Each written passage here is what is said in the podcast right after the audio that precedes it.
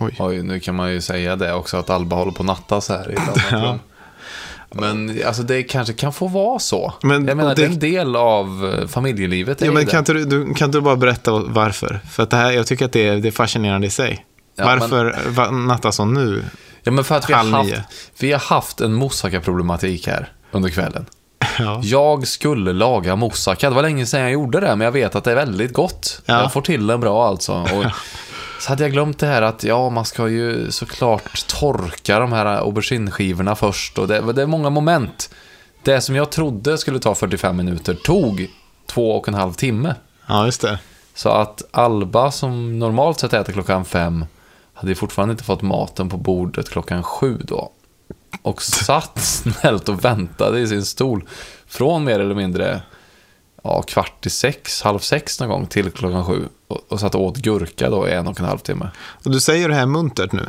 Men du har ju Nej, du, alltså jag, du har varit det är helt... mörkt också. Jag känner mig som världens sämsta pappa.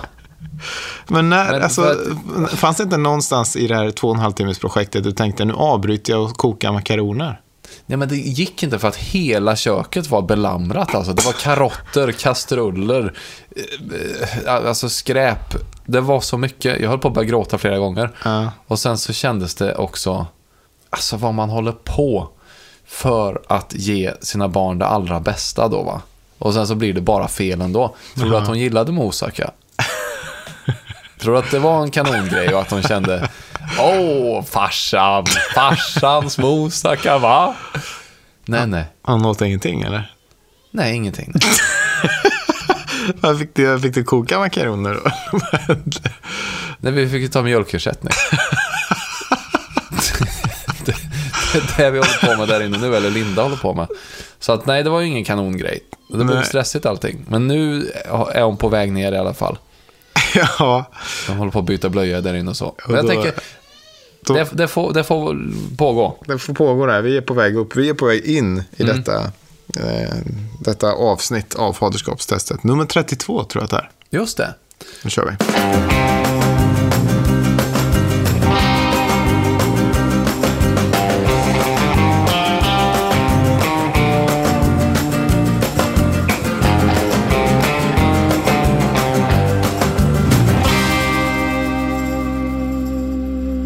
Vi har ju haft en eh, helg ihop. Våra familjer har ju haft en helg ihop.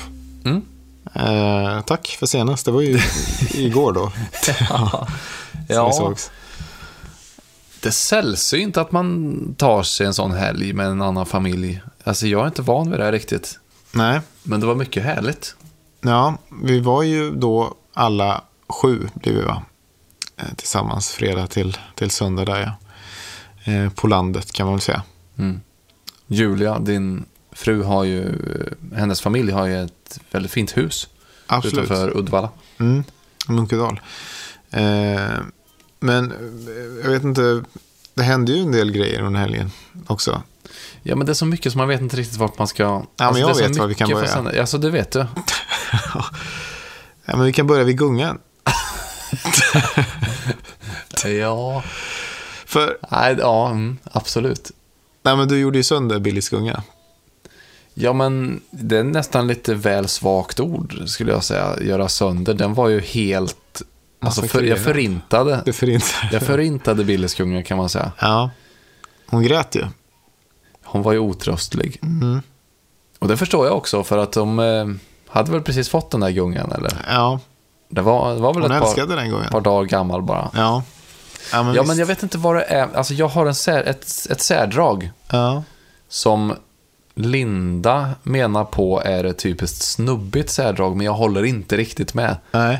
Särdraget är att jag ibland blir full i fan och så måste jag agera på impuls. Alltså, det, det, det är ofta eh, alltså, att det handlar om lite så här, alltså, lekimpulser är det det handlar om. Ja. Så i det här fallet så stod jag och drack kaffe där ute. Vi hade ett vanligt vuxet samtal om, jag vet inte vad.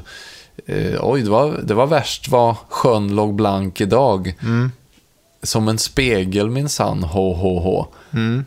Och då skedde det här som sker för mig ibland, att jag bara får ett, ett ryck. Någon form av tuppjuck. Och det var, då fick jag syn på den där jäkla eh, gungan Mm. långt bort. Och så kände jag, den där jäveln ska jag gunga på nu alltså. Så jag älgade ju iväg Ja. med kaffekoppen, skvalpar och spiller. Ja, sprang ju jag sprang ju allt jag hade alltså. Och så kastade jag mig upp på den där gungan. Mm. Och så fick jag en jäkla fart. Och så b- brakade jag i marken alltså. Ja. Inte en planka var intakt. Det var helt sjukt. Alltså en gunga har aldrig blivit mer förstörd än vad den gungan blev. Ja, den var ju tusen bitar verkligen. Och jag såg ju inte särskilt graciös ut, kan jag, jag har svårt att tänka mig. Nej, det gjorde du inte, nej. Det där ljudet. Det blev lite som hon som stampa, stampa vindruvor på YouTube om du har sett. Som faller av. Vi kanske kan få in ett ljudklipp därifrån. Alltså hon här.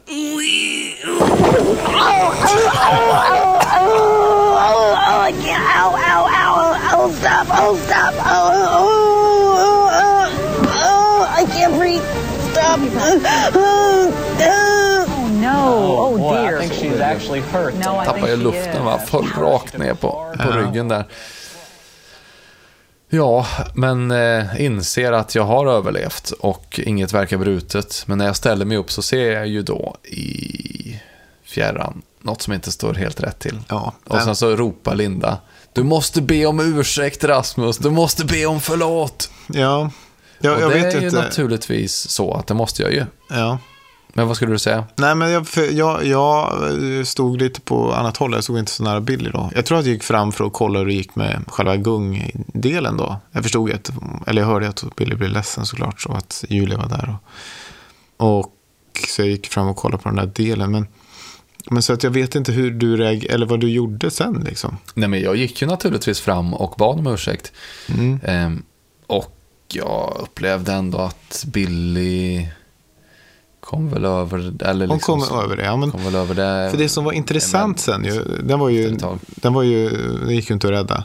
Nej, Men det var ju sen då senare, när vi står, ja, kan det ha varit några timmar senare på eftermiddagen, när vi står på samma sätt ungefär. Så får du igen. ja men det fanns ju några fler gungor va? och det fanns ju en jäkla god gunga som var Den, en, ja, men den enda som var kvar, som Billy ja, kunde jo, men gunga den på. var ju... Ja, vilken gunga ändå. Men Man det, måste känna lite på grejerna ändå.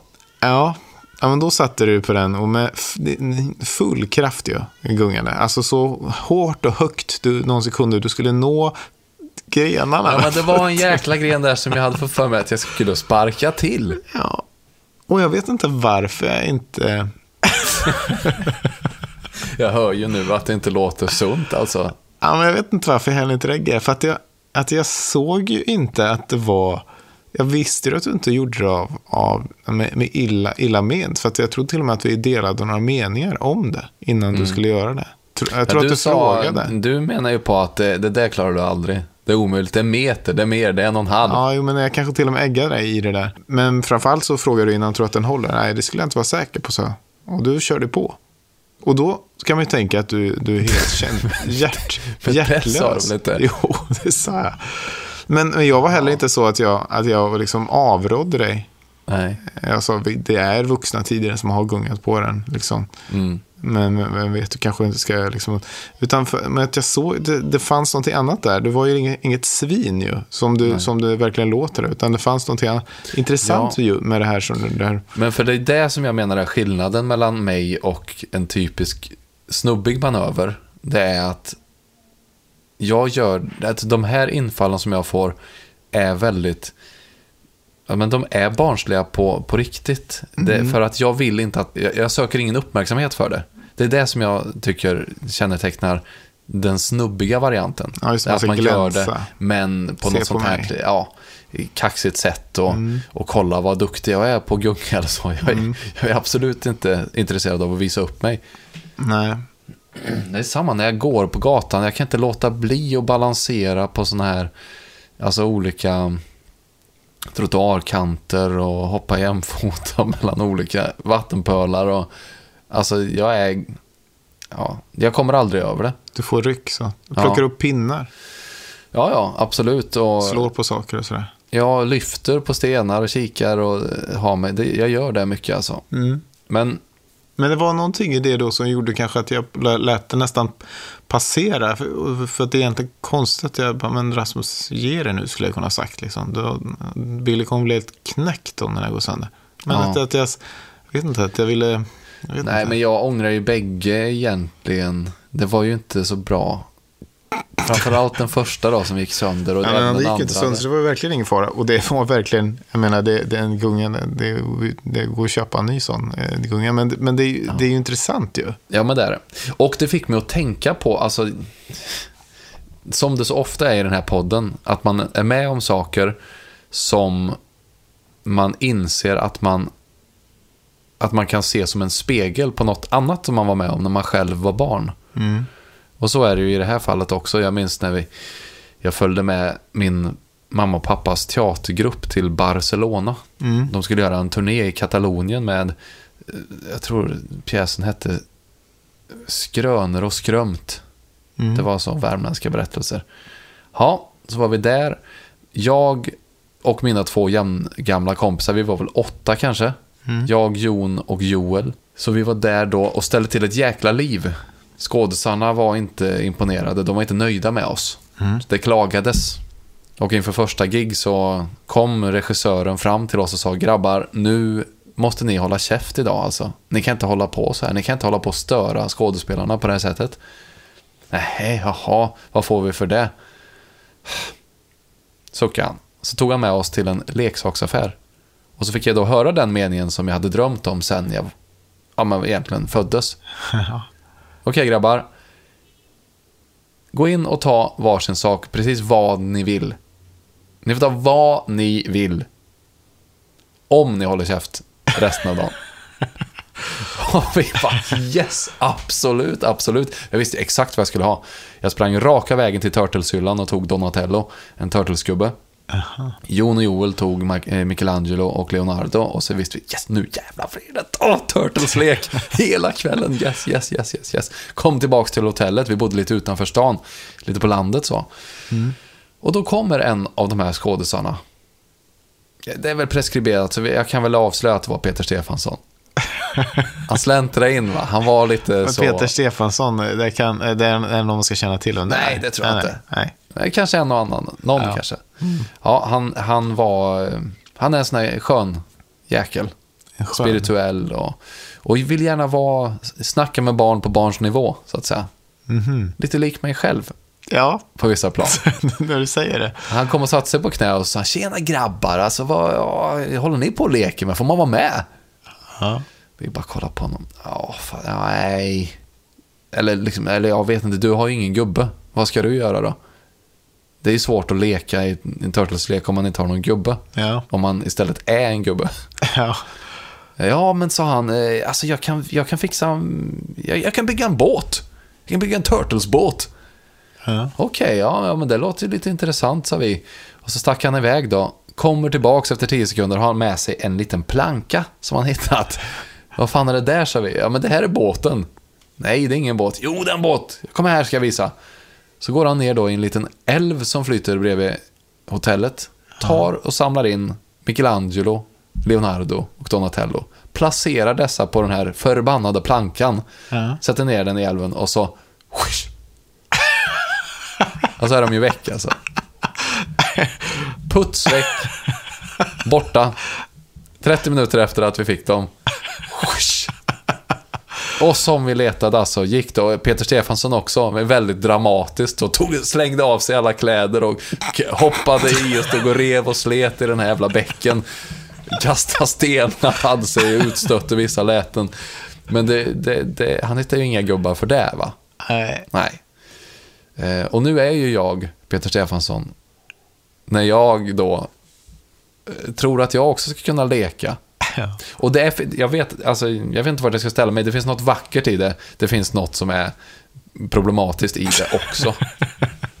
Men jag tror i grund och botten att det är ett personlighetsdrag som jag helt enkelt får leva med.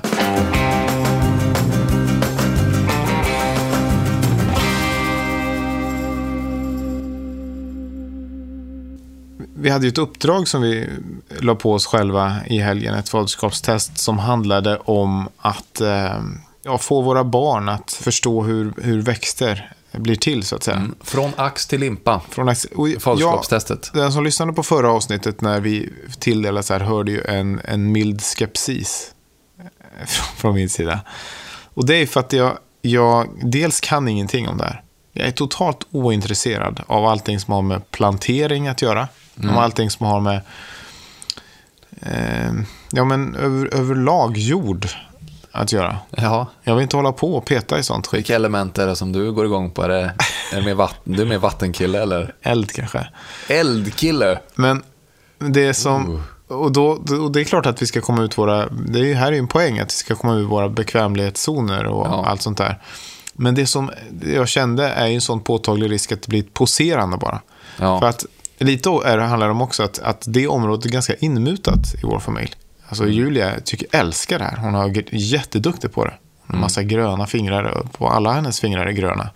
Hon har massa växter och tycker det är roligt att, att plantera och så. Och hon gör det ganska mycket med Billy. Ja. Så jag kände att det var liksom lite... Jag vet inte vad jag kan tillföra. Det är att jag kanske skulle kunna öva själv då på det. Ja. Det var i alla fall det som bidrog till det här. Och sen då när vi väl kommer ut till eh, det här landstället då som vi har. Och vi ska då förklara, det var ju potatis. Eh, vi skulle förklara. Och jag känner redan av det här, det här kommer bli ett sånt poserande. Så förstår jag att, att du vet om möjligt ännu mindre än, vad, än vad jag gör om det här. Ja. Och, och, och, Ja, men för att jag tolkade uppdraget som att, eh, att det är positivt att vi inte, att ju mindre vi vet desto bättre. Eftersom att det är det som är det riktiga faderskapstestet i detta. Att ens barn kommer hela deras uppväxt ställa massor av frågor. Och sä, liksom, särskilt om sånt som man som vuxen inte kan så mycket om. nej. Och att det är det som är utmaningen som pappa, att ändå ha ett svar. Ja, Det, det, det är ju en idiotisk upp, utmaning. För att det innebär att vi ska alltså killgissa och se igenom hela vårt fad. Är det inte, är inte Men det, det är väl det som fina? är hela föräldraskapet. Det, det är inte det fina i ett moget föräldraskap att säga jag vet inte ibland. Låt mig undersöka det. Istället för att ljuga för sina barn. Ljuga Ja, men då, det hade du kunnat göra nu med. Ja, men det gjorde vi ju. För det som hände, det var att du började förklara hur Mm. potatisar blir till. Och började prata om potatisfrön. Ja, potatisblomman. det slog mig när jag pratade om Jag hade förberett mig och tänkt att det är väl hur lätt som helst. Ett frö kommer från blomman, lämnar blomman, flyger i luften och sen landar fint på jorden. Och Men du har aldrig satt en potatis? Nej, men vart kommer potatisen ifrån? Det är väl klart att det, det finns ju en Jo, potatisblomma. absolut. Det finns ju, jag vet inte, de, de är ju buskar ju som Ja. går ovanför marken. Allt det Det ovanför marken är ju, är ju giftigt för människor. Ja, men det, och det, är väl det, det var ju det som hände, att vi började googla till där. För att du, du menar ju då att hur blir potatisen till? Jo, men det är klart att det finns ett frö från början och det finns några frukter på de här lilla växten som är ovanför potatisen. Och där finns det väl några fröer som kanske gör. Men det är ju väldigt sällsynt att det är så nya potatisplantor sätts, utan det är ju med en sättpotatis då. Hur som helst, vi försökte att förklara eh, detta då. Jag kanske med ungefär den här tonen som jag har nu, lite uppgivna, lite mästrande, kanske nedlåtande tonen också. Jag med lite mer poetisk touch och pratade om det underjordiska trädet med alla dess frukter och så vidare. Ja, alltså ingen av våra metoder tror jag var särskilt framgångsrik för att sen, precis innan vi skulle åka hem, Ja, då tog jag Billy åt sidan för att kolla. Då hade det gått någon dag sen vi hade våran så kallade potatiskurs. just det. Så vill jag se vad hon eh, hade lärt sig. Ja. Jag överlämnar åt dig att avgöra ifall vi fick godkänt eller inte. Mm. Så här sa Billy. Tror du att du skulle vilja förklara en gång till hur potatisar blir till, Billy? Det här är Vad sa du? ett slott. Ett slottpotatis. Hur blir en slottspotatis till då? Är så här faktiskt. Att potatisar, de växer ju träd. Fast människor vill också ha potatislott så de tar potatis från träden. Okej. Och så, då finns det en massa potatisträd. Och det, det tar människor, plockar då potatisen och sen bygger slott av det. Ja, liksom. De, de bygger, de tar bara en potatis och lägger de där på om det går sönder den där pricken. Men eh, är det inte bättre att använda trä och tegelstenar och sådana saker när man bygger slott? Jo, Det verkar lite som att det inte skulle bli så stabilt kanske om man byggde ett slott av, av potatis. jo men det, du har rätt faktiskt. Men man kan också bygga vad man vill också. Det är, det är faktiskt sant.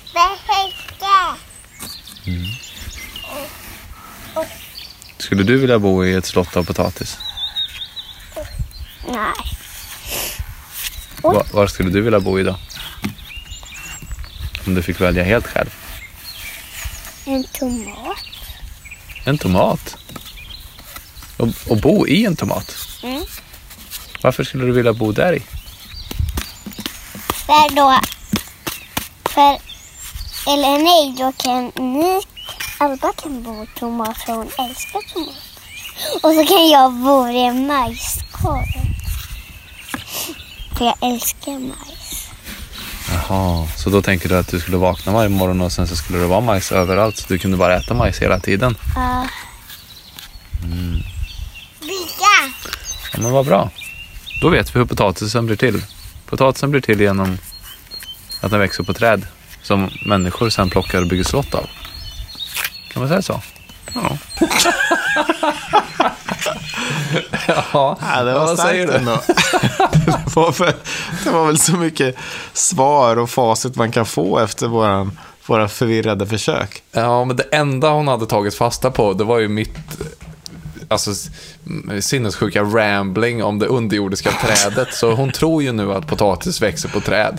Ja, det gör det ju på ett sätt då. Men jag noterade också, apropå killgissa och allt sånt där, hennes eh, väldigt fantastiskt ödmjuka, intellektuella svar. Nej, det har du faktiskt rätt i. Ja, fint ju. Exakt så vill jag ju eh, att min dotter ska vara. När hon inser, ja men nu var jag ute och cyklade här va. Jag ska inte hålla på och gissa kring det här, hur, hur, hur potatisar blir till eller om de passar som urbruk eller inte. Ja. Det har du faktiskt rätt i, det där var ju inte, det var inte klokt. Jag, jag fick så dåligt samvete då när de sa så. Jag bara, nej, nu har jag, nu har jag förstört en barns, ett barns fantastiska dröm om potatisslott. Ja. Ja.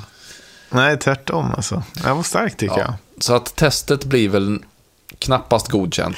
Nej, men eh, vi behöver inte ha godkänt kring allt. En del saker är nog bäst att vi håller oss ifrån.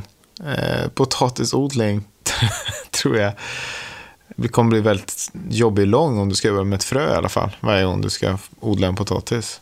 Ja. ja, men då så. Vidare till nästa.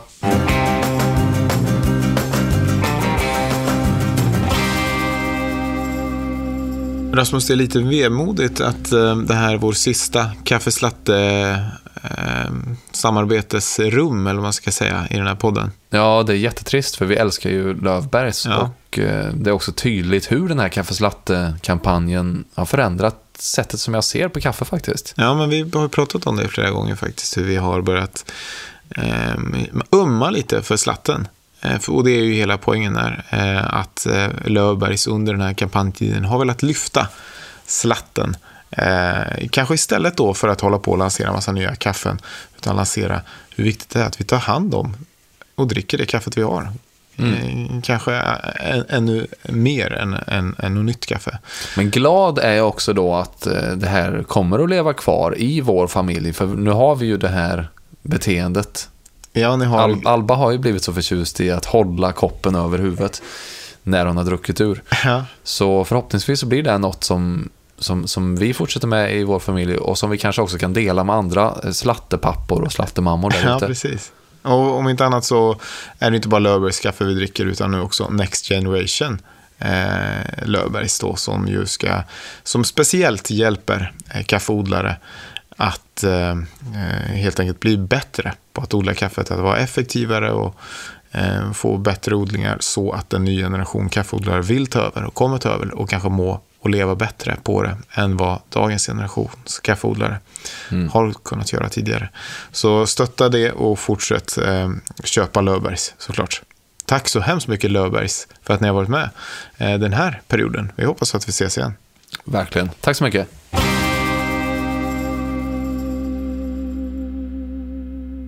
I ett av de tidiga avsnitten av faderskapstestet så hade ju, ja egentligen från början hade du någon slags eh, internetkris ju. Där du sa att du har tagit bort alla dina sociala medier. Och det började egentligen innan vi eh, hade igång podden, för då pratade du mycket om det här. Sen så drog podden igång ja, och liksom vi, vi ältade lite det här i några avsnitt och sådär.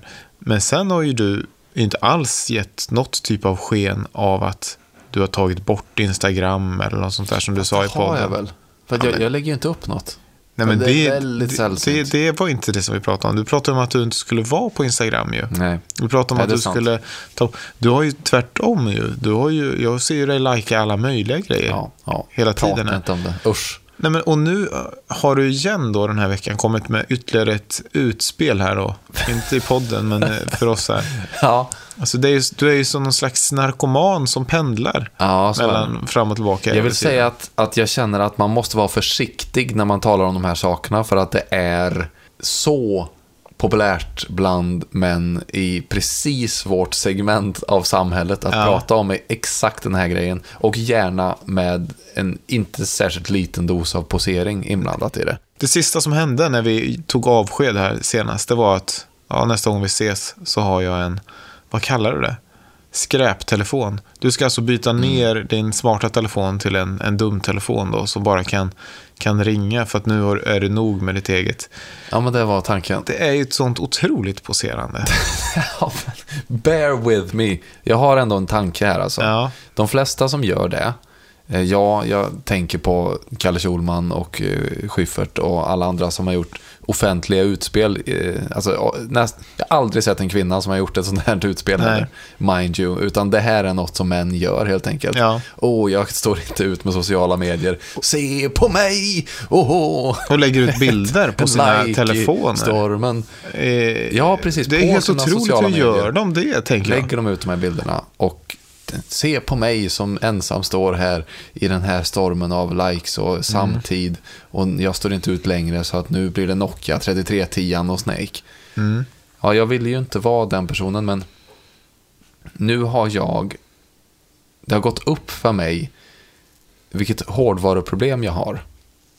Det handlar om skärmstorlek. Jag har ju en iPad och sen så har jag en bärbar dator. De skärmarna är tillräckligt stora för att jag ska syssla med kreativa saker när jag sätter mig framför dem.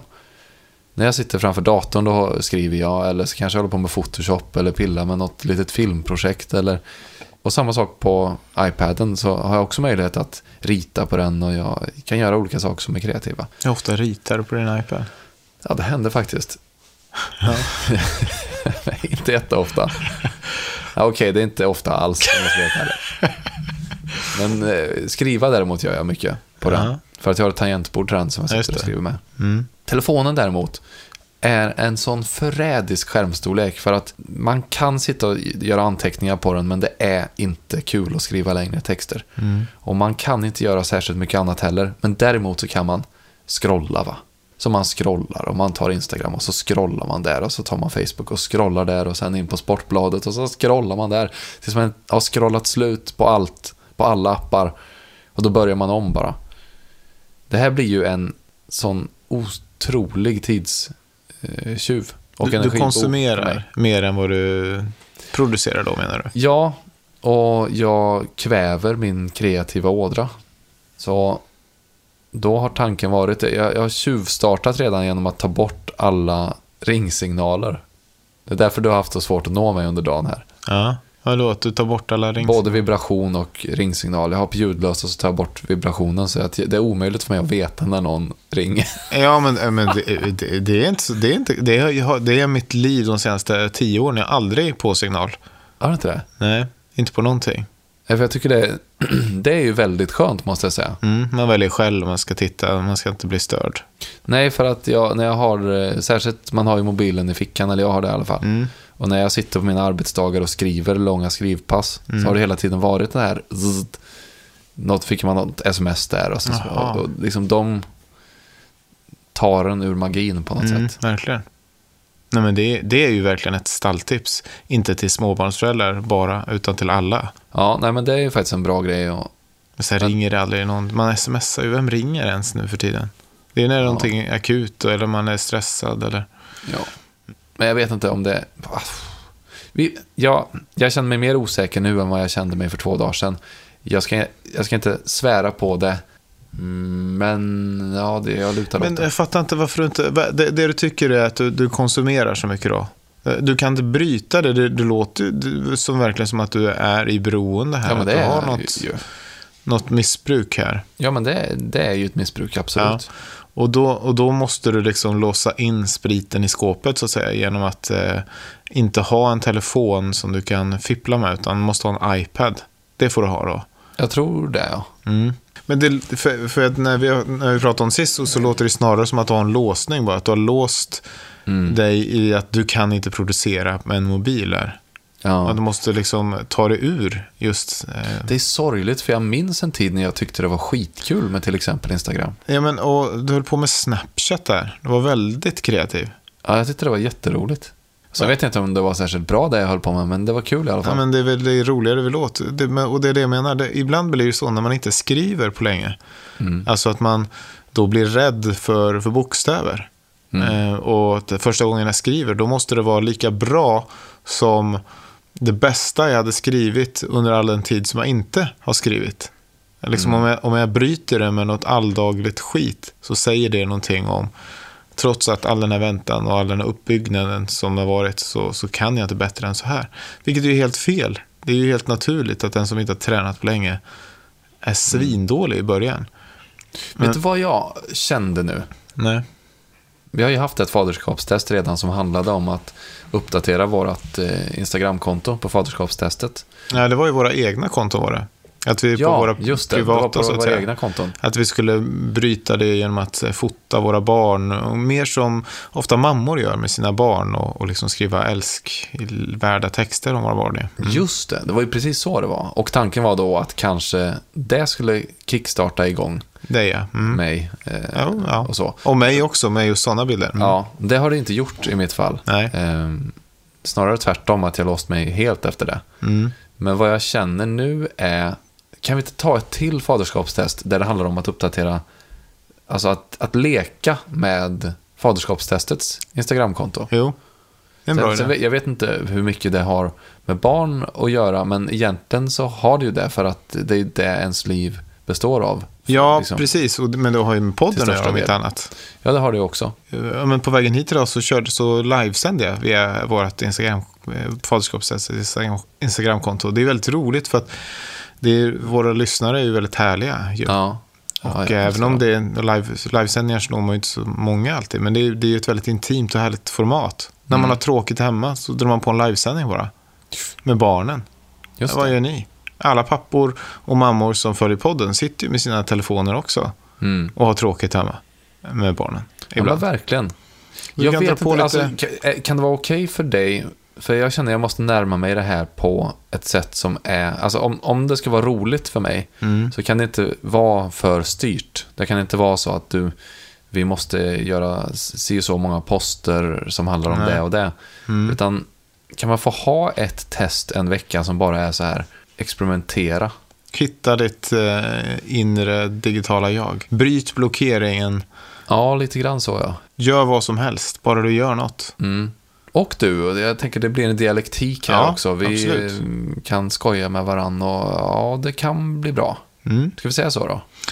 Ja, verkligen. Vi avdramatiserar det genom att producera i experimentform allt möjligt. Mm. Se resultatet på faderskapstestets Instagram helt enkelt då.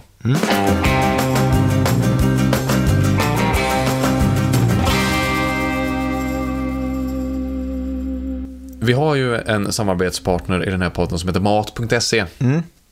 Eh, som jag berättade tidigare i eh, avsnittet så gjorde jag ju moussaka Till eh, ingen i min familjs stora förtjusning. Vad är ens moussaka? Det är ju en grekisk lasagne utan lasagneplattor men med aubergineskivor istället. Ja, ja, ja, just det. Just det. Kan man säga, förenklat. Anledningen till att jag gjorde detta var ju för att aubergine är så satans billigt. på mat.se. Och jag gillar billigt va? Ja. Ser jag billigt, då köper jag billigt. Men jag, Och förra veckan då såg jag- du alltså eh, så Ja, när ja. du handlar? Och då såg jag att auberginen låg på, den, det kostar ju sex spänn med en aubergine på mat.se. Det, det, det är riktigt bra va? Jaså? Så att eh, pappa, pappa klickade i sex auberginer då va? Familjen var ju eh, förvånad när de öppnade kylskåpet och såg att här finns ju inget annat än aubergine. Hur, hur många aubergine kan man behöva på en vecka i en vanlig svensk familj på tre personer? Ja, jag, jag tror inte på. sex stycken är svaret. Så det var därför jag var tvungen att göra moussaka Ja, nu då. Och inte moussaka till fyra personer utan till faktiskt 15 personer. Så jag gjorde ju alltså, jag, jag, jag rensade i skåpen på alla eh, formar som vi hade och, och, och så gjorde jag då moussaka. Ja. Tre timmar. Ja, ehm, Mosa, det, mat.se kan både bidra med glädje och problem i familjer beroende på vilken läggning man har. Men det är Ja. jag vet inte om det är ett tips att, att gå efter de billigaste grejerna och, och, och, och sätta sig i den här fällan. Men det är i alla fall en idé. skit- alltså köp inte sex auberginer, men, men jag vet att ni har råd. Särskilt om ni använder vår kod, som ju är pappa. Eh, skriv pappa bara om du blir ny kund. Ja. Och bli det nu, för då får du Verkligen. alltså 200 kronors rabatt när du handlar för 500 kronor. Vilket betyder, hur många, hur många auberginer är 200 spänn egentligen? Om de kostar Det är ju- 6 kronor styck. Ja. Då är det ju många. Ja, men det är ju... Jag kan, 40. 40 auberginer, ni hör ju själv. det här är inte bara fyra gånger sex, så är det. Ja, det är mer, det är säkert 100. Nej, Det är 100 är det 24, inte. det är- Skitsamma, det är mycket aubergine. Mm. Gör det bara. Och tack mat.se. Tack. Vi pratade ju förra veckan om att du har eh, fått körkort, eh, eller vad vi kallar det. Alltså att, att ni inte längre ammar och därmed så blir ni jämställda.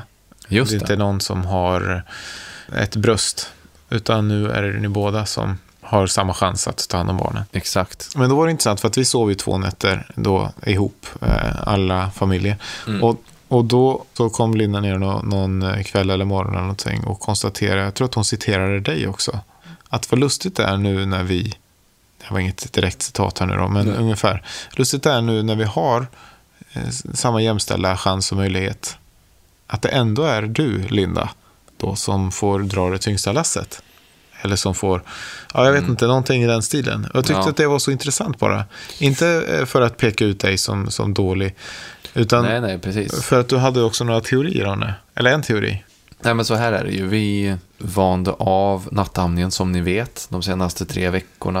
Mm. Är det väl som vi har hållit på med det här. De första två veckorna så var ju jag kung Mm. här i det här hushållet. Okej. För, att, för att jag visste hur man gjorde. För, för att det var jag som nattade och skötte nätterna den första tiden. Mm. När vi, så, så att jag, jag kände ett... Du hade satt en standard. Ja, jag, eller jag kände ett väldigt stärkt självförtroende i alla fall. Mm. i den situationen. Men eh, det dröjde inte många nätter innan Linda fattade hur man gjorde också. Mm. Eh, och sen så skedde det då som jag misstänker sker i ganska många fall. Att, eh, att man successivt börjar ramla ner i gamla hjulspår igen. Mm. Alltså att Linda i en högre utsträckning än mig tröstar Alba på nätterna när hon vaknar. Och nattar om henne så att säga. Mm. Jag tror nog att vi har en ganska jämställd fördelning av nattningen fortfarande. Ja, just det. På Ja, precis. kvällarna vid åtta, sju, åtta tiden där. Men det är ju, det är ju inte så... Svårt. Alltså, nej men precis. Det, det jobbiga lasset, det riktigt tunga lasset är ju på nätterna när man ska upp. Mm. såklart. Och sen är det väl för tidigt för att, för att säga att vi har rasat ner helt i samma, samma träsk. Men jag ser, ser ju ändå tydliga tendenser och varningstecken där. Men vad är det, beskriv då vad som händer. Är det att du inte vaknar eller är det att du vaknar och så bara, ah, Ja, det är väl att jag vaknar men Linda är lite snabbare på och så är det som att jag känner att att eh, den här osäkerheten börjar smyga sig på igen. Att du det inte liksom- duger eller? Ja, men det är nog bättre att hon, att hon tar det ändå. För att hon är ändå tryggare med henne. Och Mhm. det blir nog bättre om jag tar ett steg bak här ändå. Liksom. Mhm. Men då pratar ni om det ändå, för att då säger, du, du konstat, har ju konstaterat det här då, uppenbarligen då, till, till Linda. Att, att det är om jag- konstigt att, det, jag att det blivit skevt. Ja, vi har, det har jag ju. Mm. Vi, har ju. vi har ju snackat om det lite, men det här är ju helt färskt också. Mm. Så att vi har liksom inte haft någon möjlighet att utvärdera det fullt ut. Det känns som att många av de här tankarna uppstår nu. det Ja, men jag förstår. Jag försöker inte peta. Jag tycker det är jätteintressant att du, att du ehm, jag hör ju hur, hur försiktig och obekväm du är. Jag tycker att, Ja. förlåt om jag petar i det, men jag Nej, tycker men det det är så bra. intressant för, för att jag har ju, jag har ju ändå firat snart fem års erfarenhet av, av det här och, Ja, och jag förstår ju helt då. För mig handlar det om att jag, eller i vårt fall så handlar det om att Julia till exempel, hon vaknar väldigt mycket lättare på nätterna. mm, Och det gör jag nog också när jag är ensam hemma med barnen eller ett av barnen. Att jag kanske sover den här savannsömnen som man talar om. Vad är det? Det står i många sådana mamma och även Mm. i de pappaböcker som finns att man som förälder ofta får den här savannsömnen, att man sover som en, Jaha, en som ett lejon eh, eller lejonhane på, på savannen Mm. som bara sover med ett öga stängt. Men så fort Julia är med då, om vi sover i samma säng till exempel, Mm. då, då, är, jag, då är jag out. Ja, Då, eh, då får, får man inte, eller då, och då växer det att hon, någonting. att hon tar. Eller jag vill ju ta hand om det hela natten då. Ja. Jag vill ju äga problemet. Mm. Men då savannsömnen gör ju att, att Julia, hon kan ju inte sova, så hon är ju vaken då tills eh, Frank lugnar ner sig. Ja, Så då till sist så kanske hon kommer in och erbjuder hjälp. Och det gör ju mig irriterad då. Liksom, låt ja mig... det är fel läge där på natten Ja, klockan är fem när man har stått eh, med ett paniskt barn i, i en timme när, när partnern kommer och erbjuder hjälp. Det, det är ett svårt samtal. Ja, det är det. Och det, det, jag är ju inte ett smickrande jag mitt på småtimmarna Inte där. jag heller. Och är säkert eh, ja, dålig många gånger där. Helt Djupt obehagligt hade det varit om man var det. Om man var så super, Trevliga. supertrevlig. Bara tja, tja fint. kom in. Ja. Ja. hur är läget? Ja. Nej, men jag vet inte. Och jag tror att man, alltså alla par och uppdelningar och sånt här är olika. Och att det fungerar olika. Men jag, bara, jag tyckte det bara var så intressant att höra utifrån att ni var så nya i det här, nya jämställda. Ni var liksom, hade det här utgångsläget. Och att bara efter någon vecka så, så hade du på något sätt, inte kapitulerat, men du hade i alla fall på något sätt ja, men erkänt det som du beskriver här nu då. Ja. Att du faller ner i hjulspåren och Ja, jag är glad att du tar upp det för det. Jag tycker att det är en viktig grej. mm, Och jag känner att det är något som är väldigt lätt att hamna i. mm, Och jag tycker att man ska vara uppmärksam på att försöka motverka det i den mån det går faktiskt. mm, För att den känslan som jag hade de här första veckorna när jag hade klarat det och när jag visste att jag, jag äger natten. mm, Alltså inte som att nu är det bara jag som spelar någon roll här. Det, det var ingen självisk känsla, det är inte så jag menar, utan mer att jag klarar natten. Alltså självkänslan i det, Mm. den var så mäktig, så, så, liksom, så vill jag ha det jämt egentligen. mm. Så att jag ska inte, mm, jag ska kämpa emot de här tendenserna från och med nu. Mm. Ja, men intressant. Ja, men det var väl en bra av, avrapportering. När man har fått körkortet så har man ju några problem de första veckorna. Jag blev stoppad av polisen eh, efter två veckor. Jag, jag körde för snabbt i innerstan, i Visby innerstad, så de följde mig genom hela Visby innerstad. Så fort jag kom utanför så drog de blåljusen på och stoppade mig. Blir du av med kortet då? Nej, jag grät. är det sant? Nej, Oj. Jag, grät nog inte, men jag var, var, var nog nära. Oj, för att jag förstod att nu, nu kommer mitt liv raseras här. Ja, ah, gud vad jobbigt. Jag kan tänka att det är liknande här alltså. Ja, men det är det ju faktiskt. Ja, eh, vi, vi, vi följer det vidare. Ja. Nej, men det är dags att avsluta. Ja, eh, nu har vi pratat eh, länge och väl och det blev väl ganska mycket om helgen. Men, eh, men jag tänkte, alltså in, eh, bara innan vi stänger butiken för gott här, eller i alla fall för den här veckan, så, så det skedde ju något på bussen hem. Mhm. Från Hagalund alltså. Just det, för ni fick ju ta buss då. Er bil har ju gått Ja, sönder där, så jag skjutsade till bussen. något, det var något form av pappa moment ändå, får man ändå säga. Ja. Ja, men just det här, man är lite förbannad redan som det är, att man går och drar på... Jag hade en jävla packning som vi hade med och jag hade varit nere i källaren och hämtat någon form av pirra från någon gammal Finlandsfärjetur som man hade gjort. Ja. Och spänt på med spännband och olika påsar och... När man har en bil hemma som är paj, Ja. som man ska skrota. Ja. Ja. Så vi hade i alla fall köpt ett par koppar kaffe ju, som vi skulle ha på färden då. Va? Mm. Men just det. Den, rasade ju i, i knät på mig den så fort vi satte oss. För Alba skulle ha upp någon Pippi Långstrump på någon skärm. Ja. Så den rasade ju rätt ner i skrevet där och eh, det var ju inte kul. Nej. det såg ju ut som han har pissat ner sig alldeles, alldeles fruktansvärt. Just det. Till och med. Ja, till. Och, ja, till och med det bruna, ja. Ja. Med färg och, och så vidare. Ja, men det var ju bara att tugga i sig ändå. Sen var det ju så att jag var så kissnödig så att det liknade ingenting. Och jag ville dessutom gå på busstoaletten där för att ordna upp en del där nere. Alltså, alltså det som jag hade spillt. Ja. Ja. Men, men för då somnade Alba ganska snabbt. Jaha. Så då fick inte jag gå på toaletten för att då skulle jag störa henne så att hon kanske vaknade. Då fick jag sitta då va. Så kommer vi fram till Göteborg och då äntligen ska man baxa av alltihop först. Så vi var ju sist ut var vi. Men då ska jag ju åtminstone få använda toaletten. Mm. Så jag går in där, ställer mig, tänker att jag står upp och kissar nu. Jag gör det bara, förskjut mig. Men det är, en lite, det är ett litet bås här. Jag tänker inte, jag är två meter lång, jag tänker inte sitta ner här, okej. Jag står upp och kissar. Så jag gör det, håller fram och, och bara släpper taget då, som Ja. man gör. Slår Ja. på kranen. En riktig tetra, alltså ny, nyöppnad vinbox liksom. Ja. Så man bara, det bara forsar va. Ja. Och då hör jag ju hur den här busschauffören börjar liksom gå runt så snabbt där inne. Va, så, va, städar och har sig. Jag tänker, in, bara han inte drar nu. Han vet väl om att jag är på toaletten. Eller måste han ha Ja. koll Försökte på? du göra ljud eller? Nej, jag tänkte det, det har han koll på. Mhm. Han är ändå busschaufför. Mm. Tror du han hade koll på det? Nej. Nej, nej, det hade han inte. Så att han rivstartade iväg därifrån. Jag började fara med liksom den här vidöppna vintetran som bara sprutar ner där i båset. På mig själv, på eh, den lilla busstoalettens inredning. Jag skriker ju va. Hjälp! Hjälp! Stanna bussen! Men det bara fors, fortsätter forsa och den här brallan då som redan var nedsölad med, med kaffe, nu är det ju urin också.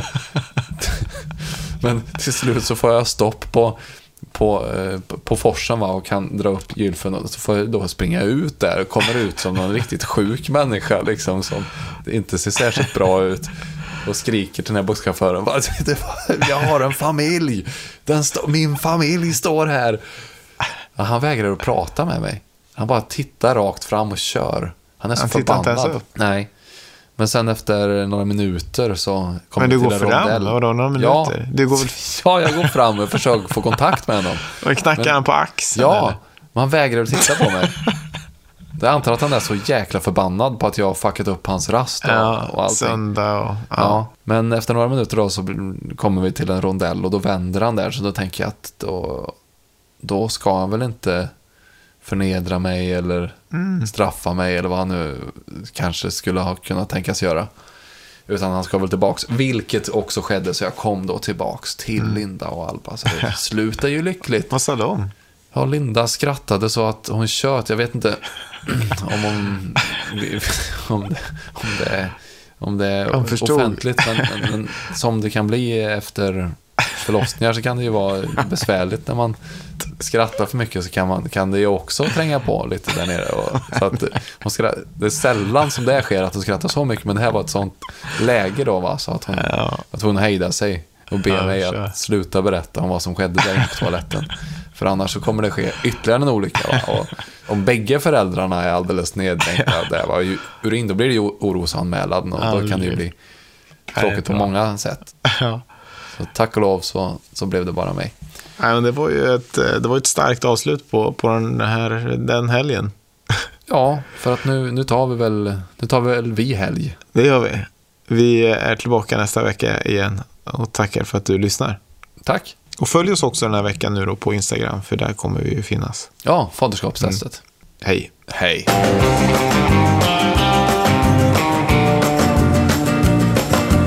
Faderskapstestet produceras av